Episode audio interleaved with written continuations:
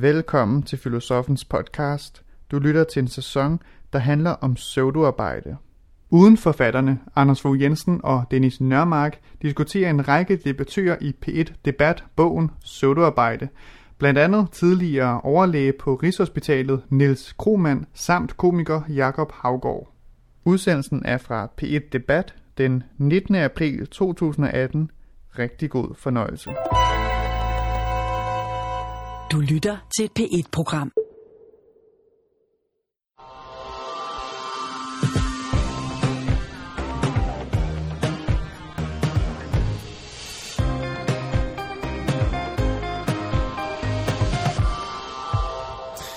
Niels Krohmann, du har været overlæge på Rigshospitalet. Giv os et eksempel på en del af dit arbejde, som ikke gav nogen som helst mening. Der foregår en masse tom og ligegyldig registrering, og problemet er i sin sådan essens, at selve registreringen er blevet kerneydelsen. Og et eksempel på det, det er, når man registrerer, at patienten har fået medicin, men øh, at patienten faktisk ikke har fået pillerne. Når man så gør det op, så ligner det høj kvalitet, men øh, det er det jo helt tydeligvis ikke. Umulig registrering i hospitalsvæsenet er et af de eksempler på pseudoarbejde, som vi taler om her i P1-debat i dag. Altså arbejde, som i sidste ende ikke rigtig giver nogen som helst værdi for nogen som helst. Forfatterne i en ny bog påstår, at det er et af arbejdsmarkedets allerstørste tabuer, og det skal vi bryde ned i dag i P1-debat. Så derfor vil vi bede om jeres hjælp ude ved højtalerne. Ring ind, hvis I har et arbejde, eller har haft et arbejde, eller har bare haft en opgave på jeres arbejde, som ikke har givet nogen som helst mening, eller som ikke har givet nogen som helst værdi. 70 21 19 19. Mit navn er Rasmus Mark Pedersen. Velkommen til P1 Debat.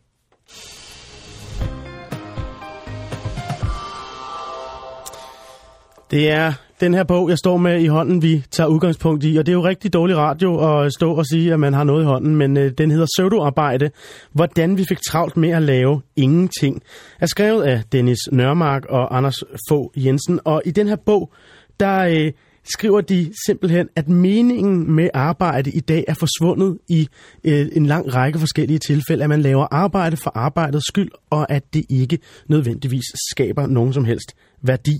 Og så opfordrer de os til at gøre oprør. Gå hjem, siger de.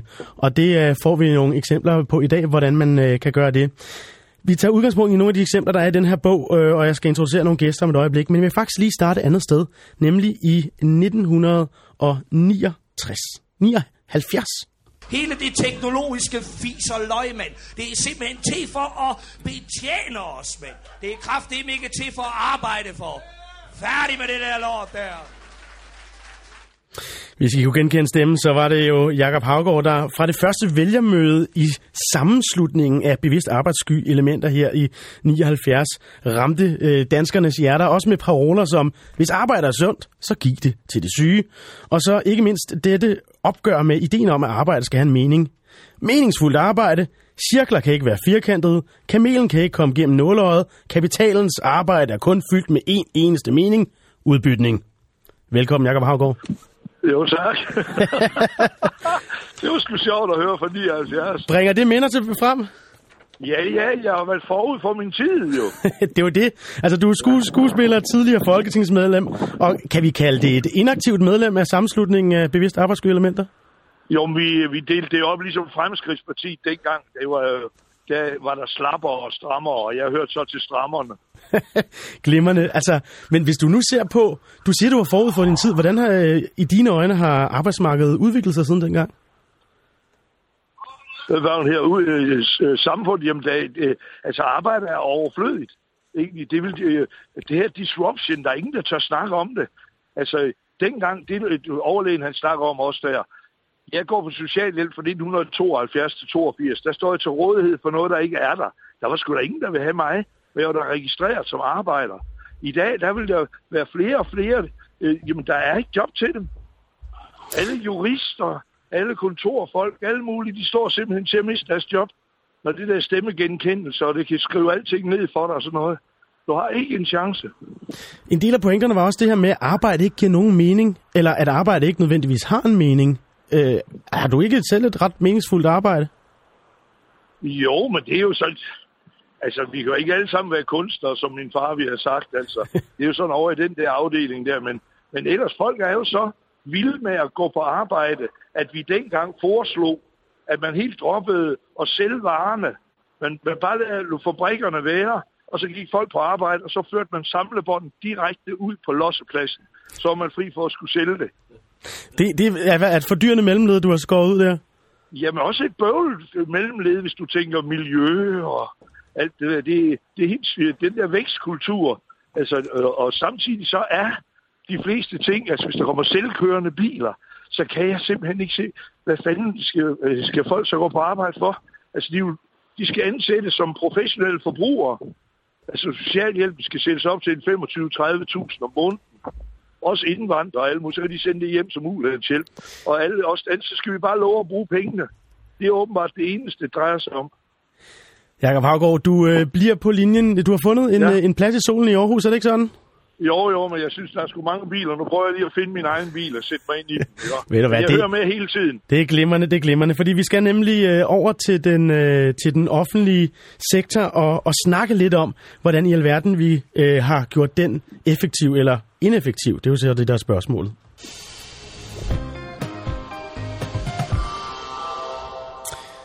Velkommen, Kurt Claudi Clausen, professor i offentlig forvaltning på Syddansk Universitet. Tak. Du er med fra øh, vores studie i, i Odense. Og øh, grunden til, at jeg, øh, jeg ringede til dig, var, at jeg ved, du har været igennem øh, det, man på X-Factor-sprog vil kalde lidt af en rejse. Altså øh, fra kritiker af New Public Management til i virkeligheden fortaler. Hvad, hvad der er sket, Kurt? Jo, men altså, der er jo mange ting ved det fænomen, der hedder New Public Management, som er kritisable, og der er nogle utilsigtede negative bieffekter af selv de bedste intentioner. Øh, og det var, dem, jeg, det var så at sige, der jeg startede, øh, hvis vi går tilbage i begyndelsen af 90'erne, og, og det, det holder jeg stadigvæk ved. Men det er gået op for mig, at øh, det er ikke hele historien.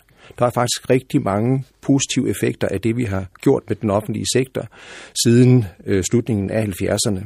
Øh, og det er det, jeg begynder at påpege, øh, er et problem, at vi ikke forstår det, fordi det betyder, at vi retter kritikken forkerte steder hen og ikke anerkender dem, der anerkendes skal. Og hvem skal anerkendes?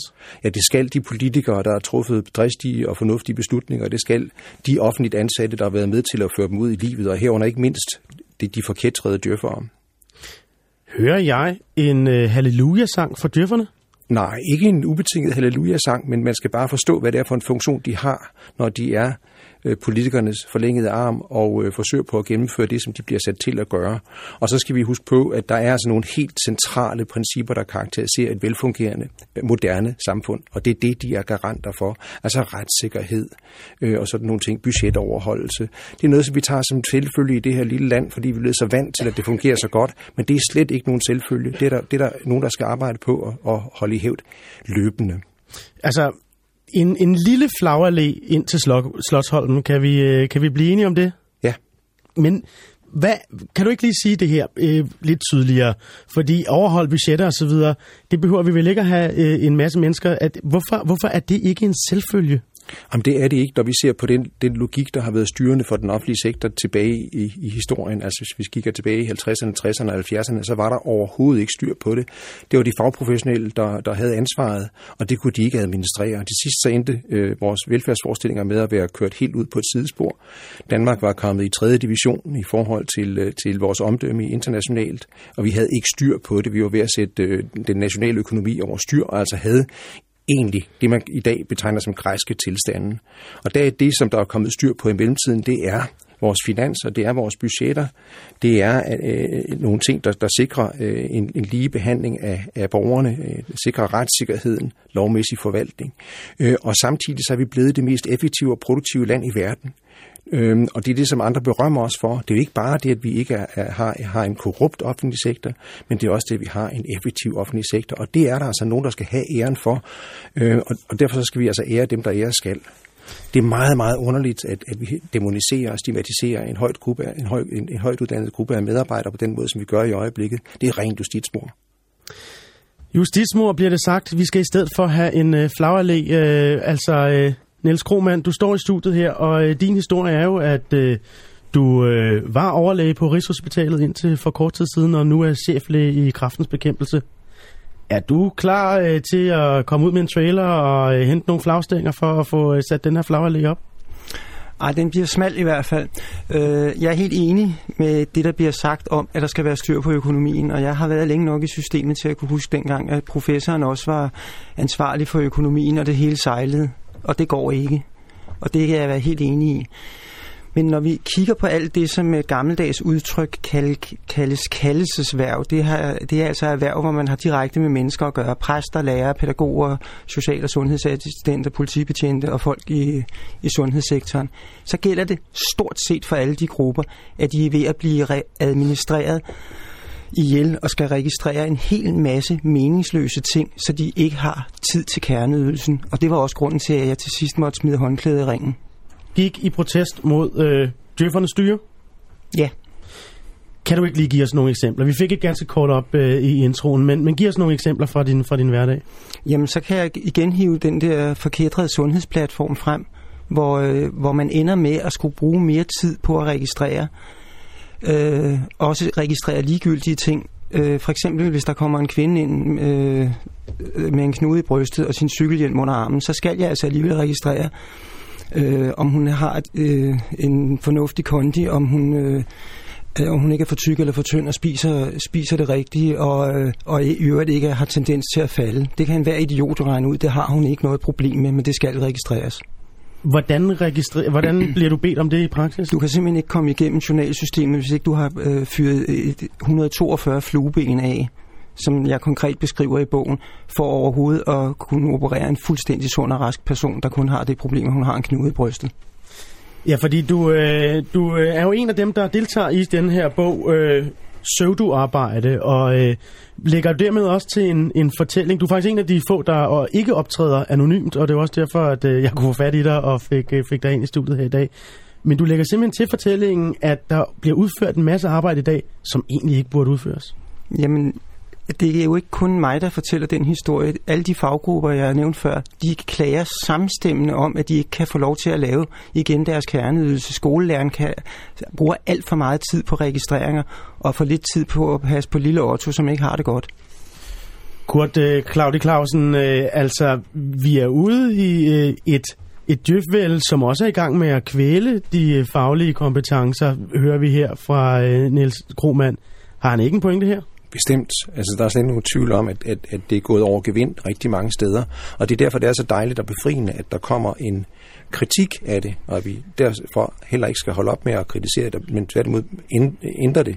Det er også derfor, at, at, at hver eneste regering, der, der er blevet konstitueret, har haft i sit moderniseringsprogram et programpunkt, der handler om, om deregulering og afbyråkratisering. Men jeg vil lige sige, at jeg synes, at den her øh, kritik, som jeg har forstået den, er helt ude af proportioner. Jeg vil sige, at det er også en hån imod øh, de, de medarbejdere, som arbejder hårdt med at få det til at hænge sammen, at man uden videre øh, affærdiger alt, hvad de, de, øh, de, de står for, som noget, der er unødvendigt og som det er meningsløst, det, det de arbejder med. Der er rigtig mange, der har stor, øh, stor betydning og til, tilføjer værdi. Kan, kan du give nogle øh, konkrete eksempler på det? det? Det vil jeg jo faktisk gerne øh, høre, de her konkrete eksempler. Ja, men altså eksempelvis så har vi jo et, et, et fænomen, der handler om evaluering, og det kan godt være, at der er nogen, der er rigtig trætte af, at man skal evaluere på ting. Men det er jo altså et, et, øh, et, øh, registreringssystem og et feedbacksystem, som man gerne skulle kunne blive klogere af. Og i den forstand, der taler rigtig mange af den her type registreringer, som måske tager lidt for meget tid, og måske også skal tage mindre tid fremadrettet, de, de tjener altså en funktion, fordi de giver en, en, et billede af, hvad der er godt og skidt, og hvad man måske skulle ændre på. Øh, øh, og, og derfor så er det ikke øh, absurd eller latterligt alt sammen, selvom det lyder sådan umiddelbart. Niels Krohmann, øh, evalueringer. Har du deltaget i nogen, som har været meningsløse? Det kan du lige øse regne med, jeg har. men, øh, men, hvordan, men, men, men det giver jo mening, siger Kurt. Ja, men det, der hvor det ikke, hvis du går ud og spørger fagfolk, hvad er god kvalitet på din afdeling med det, du arbejder med, så kan vi påpege nogle faglige punkter, som er ens og vil være ens på den brystkirurgiske afdeling, på Rigshospitalet, på Herlev og i Odense og i Aarhus. Men når vi skal evaluere efter samme standarder på alle afdelinger, inklusiv børneafdelinger, neurokirurgiske afdelinger og psykiatriske afdelinger, så kommer vi til at svare på nogle spørgsmål, som er fuldstændig ude i hegnet på alle afdelinger, fordi man laver en ensartethed, som ikke giver mening.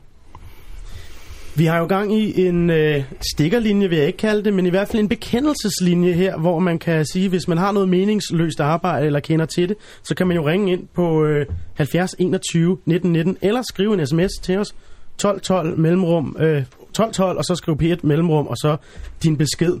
En af dem, der har øh, ringet ind på den her linje, det er dig, Hans Schmidt. Velkommen til Pit Debat. Tak skal du have. Har du været ude for det her, eller har du en kommentar i forhold til den debat, vi har? Nej, men jeg synes jo altså efterhånden, at vi lever i et, øh, det, jeg kalder et dokumentationshelvede, for at sige det rent ud. Ikke? Altså, øh, tilliden til den enkelte medarbejder er bort, og jeg ved ikke, hvem der har fundet på, at alting skal registreres osv.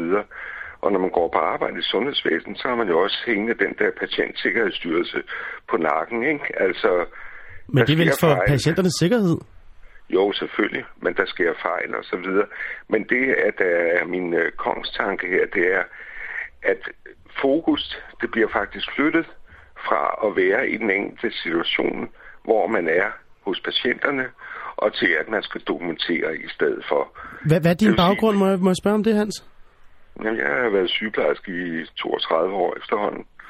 Jeg har arbejdet i Grønland, jeg har arbejdet øh, alle mulige steder. Ja. Og jeg synes altså, at det her, det øh, dyrficeringen af det danske sundhedsvæsen, den er ved at tage overhånd, synes jeg. Ja. Og overlæger, der skal bruge deres tid på øh, meningsløs øh, computerarbejde, i stedet for at have de der skidedygtige lægesekretærer, vi havde i gamle dage, det finder jeg fuldstændig vanvittigt. Hans Schmidt, du skal have tak for, øh, for den kommentar. Tak fordi du ringede ind til Pit Debat. Ja, okay, det er fint nok. Du Det er godt. øh, hils derinde og have det godt. Ja, men det, hej, det skal jeg gøre. Jamen altså, der blev også nikket herinde, kan jeg jo så, så sige. Ikke Niels Krohmann, du, du står jo og, og, som om det er sendt fra himlen, det her. Men jeg kunne virkelig godt tænke mig at sende den ud til, til, til Kurt. Øhm, når nu fagpersoner oplever det på den her måde, øh, og du siger det jo også selv, vi er gået over gevind. Hvordan kan vi så lige skrue lidt tilbage, uden at miste den her førerposition? Hvad skal vi gøre? Og vi bliver nødt til at tage kritikken alvorligt, og vi bliver nødt til derfor at, at, at spørge os selv om, hvordan det er, vi, vi afbyråkratiserer. Hvornår det er, noget er, er hvad hedder det, berettiget og tilføjer værdi, og hvornår det ikke gør det. Det paradoxale ved det er, at det har vi faktisk nogle erfaringer med, hvordan man arbejder med. Og det hedder et, igen et forkætret, eller har et, et forkætret begreb, der hedder lean, som handler om, at, at, at man, man øh, giver de processer, man arbejder efter, et, et serviceeftersyn, og spørger sig selv om, om de tilføjer værdi, eller de ikke gør det. Hvis de ikke, ikke gør det, ja, så er de overflødige, og så skal de skæres væk. Men det vil man heller ikke have. Øh, og og derfor, derfor så har vi det der problem, at, øhm, at vi så at sige kommer til at tale forbi hinanden, fordi vi putter os op i nogle hjørner. Og det kan ikke nytte noget, at, at, at, man, at man, man, man kommer med en kritik, som man ikke må tage konsekvensen af. Kurt Claudi Clausen, forløbig tak, og også forløbig tak til dig, Nils Niels Vi skal nok øh, vende tilbage til, hvad det er, vi gør, og finde nogle løsninger. Men du sagde nemlig noget, der var, øh, der var interessant, Kurt, som vil bringe os videre til at snakke om, hvordan det er i den private sektor.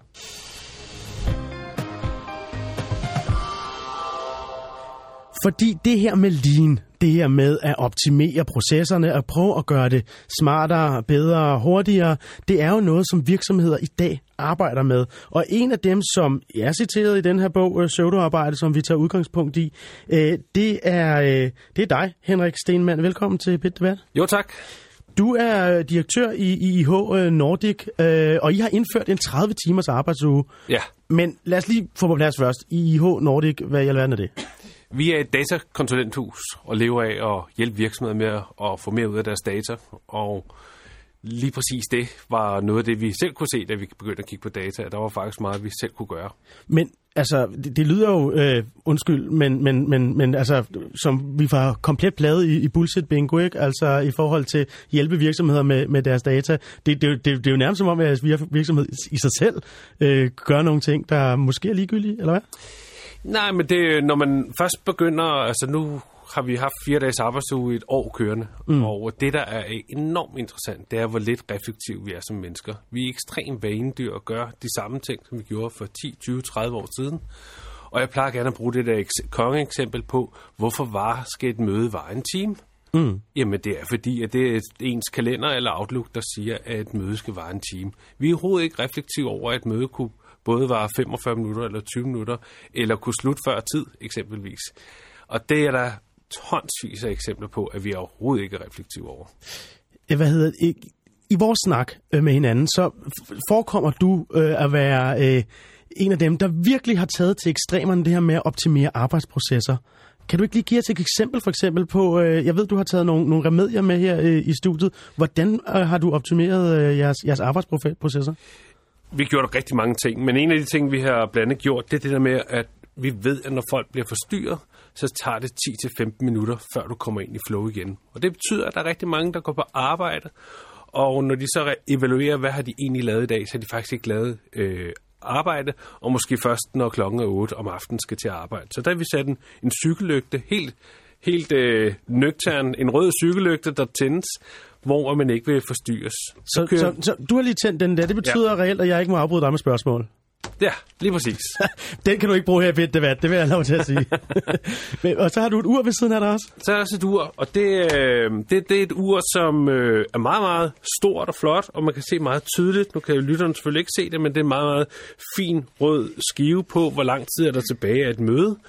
Og øh, Ja, det, altså vi har jo simpelthen urskiven, og så øh, tigger den nedad, øh, kunne jeg tænke mig, at, at øh, den, lige i øjeblikket er der 45 minutters rød øh, øh, plads, og der kan man se, hvordan den der røde plads bare bliver mindre og mindre og mindre, og så når den er færdig, så er mødet slut. ja, fantastisk værktøj, også til derhjemme til børnene, vil jeg sige. Hvad, hvad hedder det, øh, øh, Henrik? Øh, hvorfor har du øh, gjort alt det her for, for at optimere? Jamen i bund og grund, så er det jo, så er det, når man først kommer i gang, så finder man faktisk ud af, hvor er vi dog øh, teknologi-instrueret. Øh, øh, vi har slet ikke taget øh, refleksion over, hvad teknologi egentlig er. Vi er fuldstændig styret af det. Øh, når jeg plejer også at- det der med, når folk de har tjekket deres telefon 150 gange gennemsnitligt på en dag. Det er jo helt vanvittigt. Der er vi jo ikke, i, øh, der er vi jo ikke med os selv har taget en, en beslutning om, at det, vi skal styre teknologien. Lige nu, der er det bare teknologien, der styrer os, og vi kører derud af med 180 timer. Jakob Havgaard, hører du, øh, hvad der bliver, bliver sagt her? Det er jo din pointe fra 79, ja. der bliver gentaget. Ja, ja. Hvad, hvad, hvad, hvad hedder det? Hvorfor tror du ikke, vi er kommet længere? Jamen det er fordi, at vi hele tiden går og håber på, at det der arbejde, det kommer, det kommer tilbage igen. Det gør det jo ikke. Der, der, det, det, det er slut. Der, der er ikke noget at gøre. Og jeg gik kun ind i arbejdssky elementer for at signere min far. Fordi han, det var, de arbejdede fandme så blod, det flød for dig. Og de mente ikke, at der var nogen fremtid med freelancer og øh, kulturarbejder, hvad, hvad det var. De fandt ikke en brik. Men fremtiden er, altså også når jeg hører det der med det, med, det- med det offentlige, jamen jeg har selv børn, der er i sundhedssektoren. Det, den der sundhedsplan, den er helvede skabt, men den offentlige sektor er den eneste, der kan løse vores problem med, at folk får arbejdsabstinenser. Altså, de får simpelthen, de, vi er nødt til at have et sted at sende dem ind. De går kraftigt ikke, at de går derhjemme. Det, er- det er kun Tuborg, der får noget ud af det. Jakob Havgaard, øh, jeg tror, at, øh, at øh, du nu og, og lytterne i virkeligheden også skal til at møde en af, en af dem, der, der får noget for hånden, som ikke bare laver det her øh, øh, arbejde for, for sin blå øjnes skyld. Velkommen, velkommen, velkommen Dina. Tak skal du have. Du, øh, du hedder Dina Larsen, ja. Og du er bestyrer af Frøken Larsens Rengøring. Det er korrekt. Et lille firma med to ansatte, og den anden sidder herude og, og lytter på, Og at du nu spændt på, hvad der får foregår. ja, din, din debut i radioen her nu, Ja, det ikke? er skønt. Øhm, kan, du ikke lige, kan du ikke lige forklare mig øh, en typisk arbejdsdag? Hvad laver du der? Jamen, en typisk arbejdsdag, så starter vi ude hos en kunde og, og hjælper med den, den dagligdags rengøring hos de enkelte mennesker. Øh, det foregår i øh, støvsugning, gulvvask, øh, aftørring af flader, der kan være vinduespus, øh, alt hvad der indebærer for hjemmes fire vægge, og der er nogen, der ønsker rengjort. Det er ligesom det, vi behjælper os med. Men som, men, men som udgangspunkt er vores opgave ligesom faste mm. øh, efter aftale. Ikke? Når du så hører, at der er nogle, øh, nogle øh, kloge mennesker, øh, antropologer, filosofer, som siger, "I, øh, men hør her, der er masser af arbejde, som man i virkeligheden kunne holde op med at lave. Kan du så se noget i dit arbejde, du kunne holde op med at lave? Altså, jeg er jo altid lidt udfordret på robotter, øh, og den, den, vil nok, den erstatter jo nok mig og mit fag øh, i fremtiden. Øh, øh, robotstøvsugeren er jo en stor øh, spiller i, i gamet lige nu, øh, men min erfaring er, at den ikke er så super effektiv, og kunden altid vil ønske en manuel støvsugning efterfølgende. Øh, jeg kan ikke se, at jeg sådan skulle, skulle kunne skære noget fra som sådan. Øh, nej.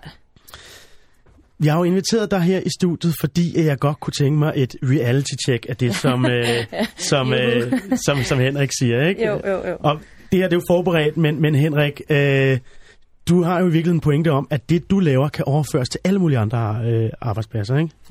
Jo, altså ud fra en, en formel om, at vi tager teknologien og bruger den rigtigt, øh, og vi er klar til at ændre noget adfærd, og vi bruger noget sidste ny viden, så er vi fra, faktisk overbevist om, at så, kan man, så, så er der ikke en sektor, hvor det her ikke kunne, kunne lade sig gøre. Ja. Det skal vi jo sætte på proces nu, ikke? Ja, ja, ja. Altså, fordi det, vi har aftalt, er, at øh, frøken Larsens rengøring skal, øh, skal optimeres nu. Dina skal have fri i morgen, eller hun skal have fri om fredagen, ikke? Øh, hvordan får vi skabt en fire, fire timer, undskyld, fire dages arbejdsuge? Fire timers arbejdsuge, Fire timer, ja, Det okay. vil være dejligt. Men, Jeg skulle til at sige det. men hvordan får vi skabt den her, den, den her arbejdsuge? Prøv lige at, og nu, nu er du konsulent. Ja. Lean konsulent, du skal gennemgå Dinas virksomhed. Lad os lige prøve at, at lave det eksperiment. Du har to minutter nu til, at- til at gennemgå. Ja, men jeg vil, jeg vil jo helt, helt ordnet, så vil jeg jo både se, hvordan, øh, hvordan sælger Dina sig øh, på nettet selvfølgelig. Øh, og også det der med tidstyreni, vi har det der med, at en times arbejde er lige med en times effekt. Fordi det kunderne i virkeligheden ønsker, når de får gjort rent, det er, at de ønsker jo, at der er rent. Om det, det tager to eller tre timer, det er ikke det, der skal komme an på. Lige præcis. En anden ting, det er jo så også, at jeg er helt med på, at de her robotstøvsuger, de de er ikke vanvittigt øh, gode. Øh, men der, der sker alligevel noget hele tiden på det område. Nu så jeg altså nogen, hvor man kan få en, en meget lille, lille robotstøvsuger med sådan noget vanddamp, øh, og som, som man kunne sætte i gang. Så man kunne forestille sig, når Dina hun starter øh, dagen, så har hun måske 10 af de her små støvsuger, som, øh, som hun sætter i gang ind i stuen. Så imens hun ordner toilettet eller andet, øh, så kan de her robotstøvsuger køre. Ligeledes, så vil jeg jo også øh, udfordre, øh, at man for eksempel kan få sådan en, der fjerner, jeg ved ikke hvor meget støv, jeg tror det var 90% støv øh, i luften i rummet, og det vil sige, at hun kunne måske tilbyde sine kunder, at de kunne lege noget af hendes udstyr og betale en fast leje, men det betyder så, at hvis du støver mindre, så behøver hun ikke at gøre lige så meget rent, men stadigvæk måske have en forretning. Og så en sidste ting, som bare lige en sjov historie, mm. at det første, jeg gjorde, da jeg flyttede hjemmefra, det var faktisk at ansætte en rengøringsdame. Og øh, Du arbejder på en tank på det tidspunkt, er det ikke det, det var lige historie? præcis, ja. Og, øh, og, og det, som øh, jeg gjorde, det var, at jeg sagde, når du alligevel kommer til mit hjem, så kunne du også godt købe ind. Øh, køb, så hun købte fast ind. Og da jeg sagde, når du alligevel er i mit hjem, øh, kan du så ikke sætte en, en, en vask over? Og det, det gjorde hun altså i, i tre år, øh, og, mens jeg stod på tank. Og det, var, det fungerede rigtig godt. Så det der med at udvide sit koncept, fordi kunderne ønsker, der, der ønsker at få gjort rent, det er jo virkelig, fordi de godt vil have noget mere tid til, til andre ting. Hvis jeg skal prøve at oversætte det, du siger i forhold til, til Dinas arbejde, så er det jo at, at, øh, at få skabt en eller anden øh, merværdi, som gør, at Dina skal lave noget mindre arbejde, men kunderne er lige, lige så tilfredse. Er det, er det, kan du se uh, nogle af de her ting, vi har brugt? Jeg kan jo godt se, at det med mit arbejde bliver gjort mindre, eller jeg har mindre arbejde at lave i husene ved, at jeg måske sætter ja, 10 små støvsuger op, eller der er et vinduessystem, pussesystem, eller et eller andet, der står ligesom og kører, mens jeg er i gang. Og det, jeg, kan, jeg har bare forståelsen af, at mine kunder også har meget, går meget op i den øh, kontakten med os som firma, øh, som, som assistenten, som den, der kommer i hjemmet. Øh, Ja, det er lidt svært at sige, fordi jeg, jeg kan jo godt se, jeg kunne, kan også godt bruge nogle udviklinger i form til mine produkter øh, og mine redskaber. Det er der allerede i gang nu. Der er teleskopstænger, der er meget mere effektive, der er vinduespussersystemer, hvor du ikke skal op på stiger, der er du bare skal stå på jorden af, der er, øh, som han øh, snakker om, øh, robotstøvsuger, mm. og så videre, og så videre. Jeg synes, det er et svært spørgsmål, fordi det, det er igen også, hvad kunden forventer, og hvad kunden egentlig også gerne vil have. Men det er også, du sælger en times rengøring. Ja, Altså, og, og en times rengøring, der vil jeg blive sur, hvis du stoppede efter 50 minutter, fordi du var færdig. lige præcis. Altså, øh, så, så øh, den her måde at tænke øh, i tiden er ikke nødvendigvis tid, tid, øh, tid Henrik. Er det, er det også det, I har gjort øh, i, i dit arbejde? Absolut, fordi øh, man kan sige, en konsulentvirksomhed plejer at leve af at sælge timer, øh, men, men i og med, at vi bruger noget teknologi, som vi sådan set kan gøre tingene hurtigere og smartere, øh, gør jo også, at vi øh, begynder at bruge værktøjer. Altså det er, hvis jeg skulle prøve at sætte et billedtal på, hvis du skal have fældet et træ, vil du så betale, øh, er du så ligeglad med timeprisen, hvis, hvis han står med en økse, versus hvis han står med en motorsav? Der er det helt naturligt, at vi, vil, øh, vi skal bare fælde det træ, Ja. det, er det, det. Om du vil bruge en økse, eller en hammer, eller en, en motorsav, eller du vil bruge en endnu større maskine, det er jo i virkeligheden det træ, der skal fældes. Og det er det, vi skal prøve at gøre lidt op med. Dina, kunne du ansætte uh, Henrik som konsulent i dit firma her efterfølgende? For, jeg havde nok ikke noget arbejde inden for et år, hvis han var konsulent hos mig, tror jeg, med de robot uh, i egenskaber, der efterhånden er på markedet. Men jeg kan godt se, hvor vi bærer hen af, også i forhold til, hvordan at vi bliver effektiv- effektiviseret i forhold til vores redskaber. Og men jeg tænker også mere på mine medarbejdere med, hvordan deres arbejdsdag øh, den fungerer, om den kører, om hvordan de har det smertemæssigt, øh, rygmæssigt. Så jeg går lidt mere op i komfort, end jeg måske går op i, øh, at det ja. bare kører, ikke?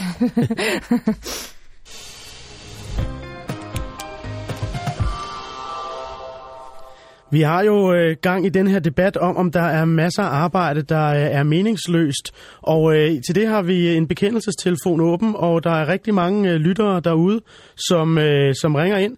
Øh, blandt andet dig, øh, Jens Otto Hansen. Øh, velkommen til Pet Debat. Ja, goddag. Jeg ringer, øh, fordi at, øh, jeg vil påpege et punkt, hvor øh, New Public Management og Dyrfond er virkelig gået for vidt. Ja, det er og det er, det er på kunstakademiet, hvor man har gået ind og, og så det blandet sig i, hvordan at kunstnerne skal te sig også efter de er færdiguddannet. Man har nemlig gjort dem øh, til, igennem New Public Management, har gjort dem til lønmodtagere.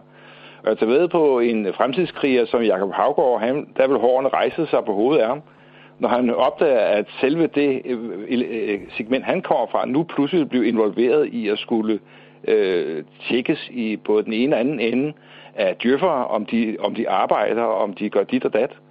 Øh, og at kunstakademiet øh, skal lide under det, øh, det synes jeg viser, at det er fuldstændig sygt. Men, jeg, skal, jeg, skal, jeg skal lige være med her. Kunstakademiet, det, der, det, det, der bliver uddannet kunstnere. Ja.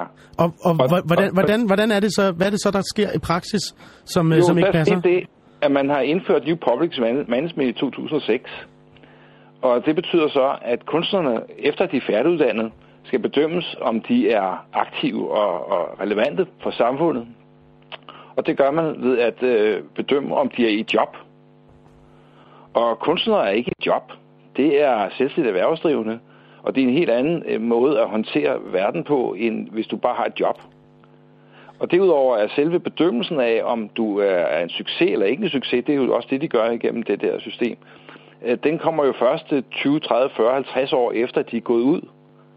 Og ikke et år efter.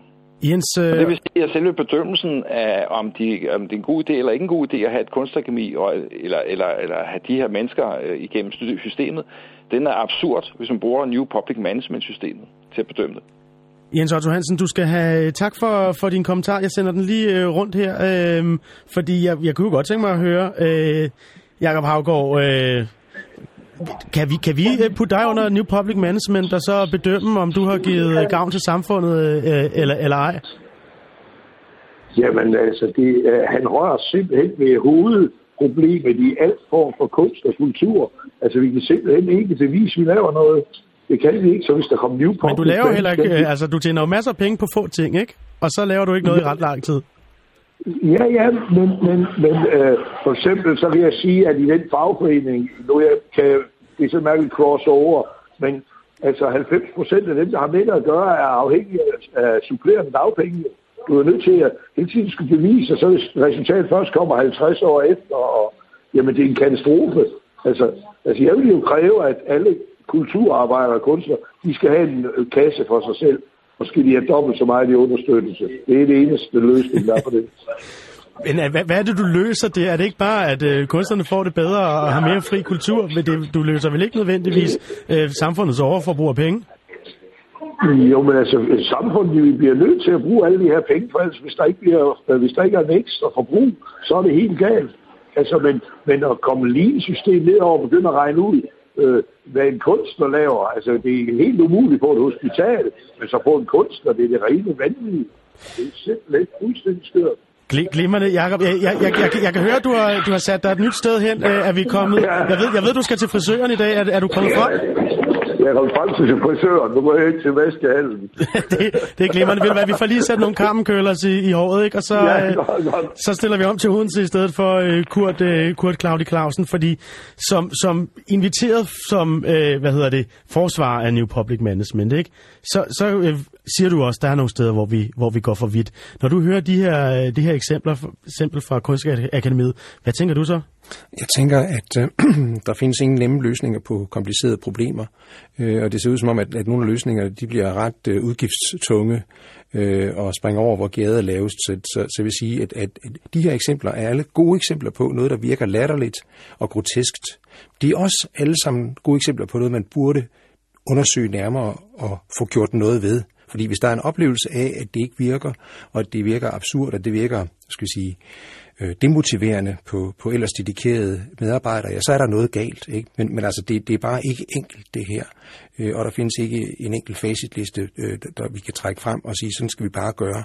Og der findes slet ikke, så at sige, en gylden fortid, hvor alting var meget, meget bedre. Altså, der, der, der, der er vi simpelthen historieløse, når vi ikke øh, anerkender det, vi har gjort, som faktisk fungerer. Og pointen med det er vel også at sige, øh, alt er godt til, til en vis øh, måde. Ikke? Altså, det er lidt ligesom at få sammensat øh, kosten. Øh, man, skal ikke, man skal ikke have for meget af en, øh, af en medicin, eller af, en, af, af, den, af den øverste del i kostpyramiden, eller den nederste del i kostpyramiden. Vi skal have lidt af det hele. Er, er det også sådan, man skal dosere New Public Management de rigtige steder? Ja, altså det skal jo altid være, være øh, øh tilpasset omstændighederne, det vil sige, at det skal være præget af rettidig omhu. Og i den offentlige sektor, som jo det, jeg har forstand på, der er det helt afgørende, at vi har øh, øh, et, et stort system, hvor vi har nogen, der har ansvaret for at gøre noget, og nogen, der har, har ansvaret for noget andet. Og de to parter er nu blevet positioneret på en måde, så de ikke kan tale sammen, eller så de, de, de bliver øh, så at sige, præget af, af, af deres fordomme og falske hvad hedder det, fjendebilleder. Øh, og det, det kan ikke nytte noget, at, at, øh, at vi ikke får en balance imellem mellem ledelse og medarbejdere, imellem management og, og faglighed. Det skal, vi skal simpelthen evne at bygge broen øh, over, over det og skabe en balance imellem lige vigtige hensyn. Og det er jo interessant, du siger det, fordi når vi hører en historie, for, som Jens øh, Otto Hansen giver her, og når vi hører øh, dig, Niels Kromand, som, som står i studiet, så er du med til at grave grøfter og gøre dermed problemet større. Du er jo flygtet fra Rigshospitalet, kan man sige, eller i hvert fald fundet et, et andet arbejde. Føler du, du er med til at grave grøfter? Det skal man jo altid være åben over for, om man har en attitude, som man graver grøfter. Men jeg synes, øh, øh, øh djøfferne har haft mere travlt med graveredskaberne, end, end jeg har. Så du, er, du, du, du står med en lille skovl, og de har en kæmpe, kæmpe gravkur, det er det, her? Ja, sådan vil jeg godt øh, med far for at lyde som et offer. Men jeg vil også godt tage fat i det, Kurt Claudi, han siger, at øh, der er noget andet sådan demoniseret, der hedder lean. Øh, jeg har været vidne til, at Line er blevet kørt hen over hospitalsystemet. Så kom akkrediteringssystemet, som var den første med en hel masse retningslinjer. Og da så øh, kommunerne og regionerne på 164 siders øh, øh, rapport, som jeg har liggende her foran mig. Ja, du har taget, du har taget øh, altså en, en bunke på, øh, på to øh, centimeter af ja, papir med 164 af fire sider sagde, at øh, akkrediteringen gjorde mere skade end gavn. Så blev det nedlagt. Men underligt nok, så genopstod de fleste af medarbejderne på Rigshospitalet i en ny form, i form af forbedringsafdelingen. Altså alene navnet, det kan altså give mig en myrekryb. Kurt Claudi, løber det også ned ad ryggen på dig? Ja, det må jeg sige. Det, det er jo et, et, en, en mærkværdig måde at, at, at putte ord på, på noget, som for, skal få det til at lyde godt, men som i virkeligheden er latterligt. Så, så jeg, jeg, må helt, jeg må give Niels Krohmann fuldstændig ret i, at, at, at, at øh, det, er jo, det, er jo, øh, det er jo simpelthen dårligt lederskab, at man ikke tager konsekvensen af, at noget bliver, bliver kritiseret og dokumenteret som noget, der ikke virker, men tværtimod virker omvendt. Vi har en forbrødring her i øh, pit debat Det er jo simpelthen så herligt, når øh, vi ender med at, at, at kunne blive enige og ikke bare stå og rive totterne af hinanden. Men jeg kunne godt tænke mig, fordi forbedringsafdelingen, det kan godt være, at det ikke virker på, på Rigshospitalet, men Henrik, det virker jo i virkeligheden hos dig. Du har jo nærmest også en forbedringsafdeling, som medarbejderne gerne vil, øh, vil, vil have laver forbedringer. Jeg tror, når, når man lige præcis arbejder med øh, forbedringer, som vi har gjort, så er det der med at bare sige, at folk skal rende stærkere, fordi virksomheden skal tjene flere penge, det er, det er old school.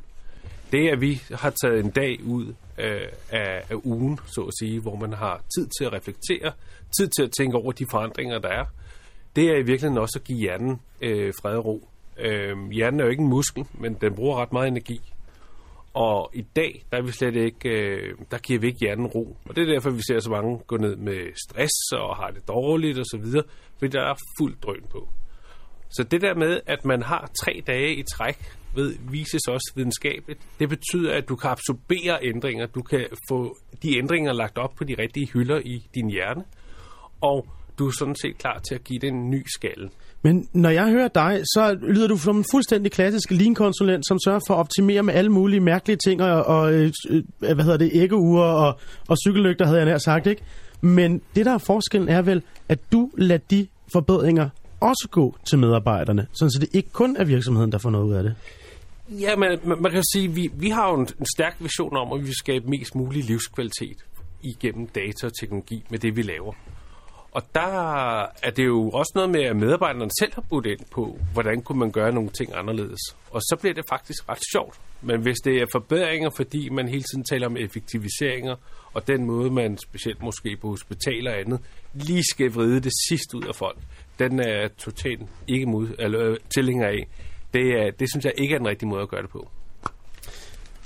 Hvad hedder det, Nils øh, Altså, øh, vi, vi kan vel godt lave forbedringer i en eller anden form, og det har man vel også gjort i, i sygehusvæsenet i, i løbet af de sidste 20 år, som har været til det bedre, både for læger og for sygeplejersker og for patienter ikke mindst. I meget høj grad, øh, hvis du ser på traditionen med, hvor længe patienter tidligere var indlagt til alle mulige forskellige øh, operationer og behandlinger, så er der utrolig meget, der er overgået til, at man kan gøre det ambulant, fordi teknologien, medicinen, måden man bedøver patienter på, er blevet meget, meget bedre. Så øh, per per øh, hoved, så får vi faktisk øh, produceret mere. Det er jo et grimt udtryk, når det der drejer sig om øh, patienter, men lad os nu bruge det udtryk. Så der er sket en kolossal effektivisering til gavn for både patienterne og for samfundet. Jakob Havgaard, vi hører, at øh, forbedringer sker der altså også trods alt, og øh, kan godt være, at arbejdet ikke nødvendigvis er øh, så skidt, som, som du også kan gøre det til, fordi vi skal jo også have nogle operationer igennem. Det er jo også godt for os alle sammen. Øh, vil du ikke også anerkende, at effektiviseringer kan være for det gode? Jo, det er slet ikke det. det er bare, jeg ser bare en udvikling, hvor den ene halvdel af befolkningen står og kigger på den anden halvdel. Det vil være en masse, det kan de slet ikke være med til det her. 750.000 mennesker, de må være fejlvisiteret, eller de er uden for arbejdsmarkedet mellem 18 og 65. Der er, øh, der er hele det der lignende. Det, jamen hvad fanden, det der, når de er fri om fredag, det er der et tegn på, at de anerkender, at der er et åndsliv for eksempel. Det er det store problem. Det er derfor, folk får stress. Det er fordi, de aldrig har fred over de i bøtten, og der er ingen, der kan være med. Så derfor så øh, halvdelen, hvis man ikke vil tage stilling til det, i 1979, der synes de bare, vi er fuldstændig skøre. I dag virker vi lidt mere fornuftige, når vi siger arbejdssky Men Vi siger altid, hvorfor bruge sine hænder i solen, når man kan bruge sin hjerne i skyggen? Ja. men, men, men, det er et kæmpe problem. Den ene halvdel vil komme til at stå. Du skal være rasende dygtig. Du må aldrig være syg. Der er, det nulfejlskultur. Vi også har der ingen fejl være inden for hospitalerne. Vi har haft det med korsfæstet, hvis du kommer til at tage blindtarm i stedet for hans overknuder. Ja. Øh, øh, Jakob Havgaard, vi er ved at, at løbe tør for tid i det her program, men, ja. men, men, øh, men hvad hedder det? Øh, dem, der har lavet den her bog Søvdearbejde, de siger jo, gå hjem, lad være at lave de opgaver, der ikke giver, giver mening. Hvad er din opfordring til danskerne for at, at undgå at lave meningsløst arbejde?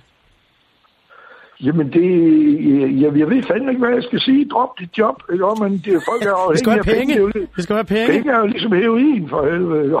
Så giv dem nogle men, penge. Men, men, men, men, men problemet er jo, øh, ja, vi, skal, vi skal jo have mad på bordet, øh, smør på brødet, vi skal have øh, et tag over hovedet.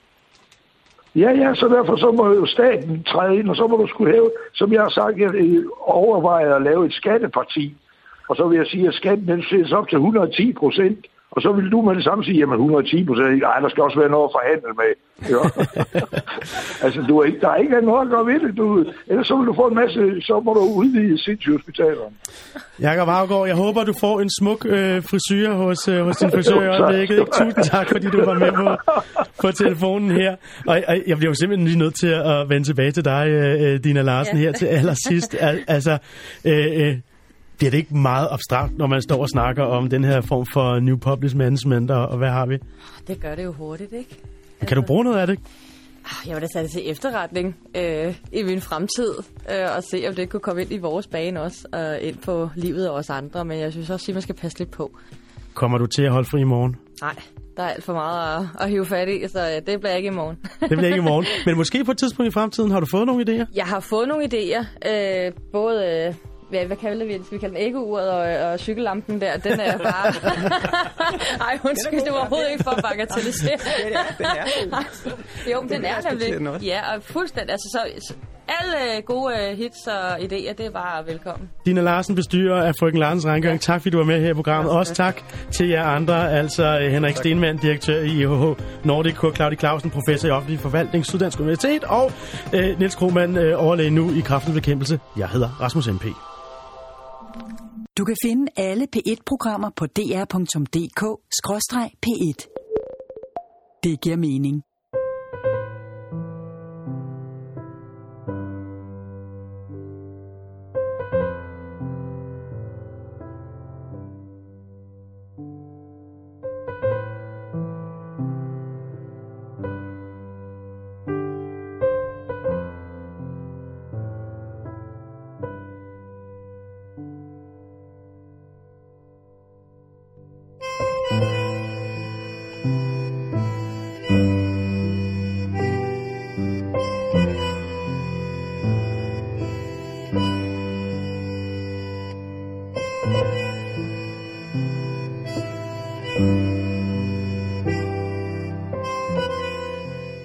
Du har lyttet til Filosofens podcast.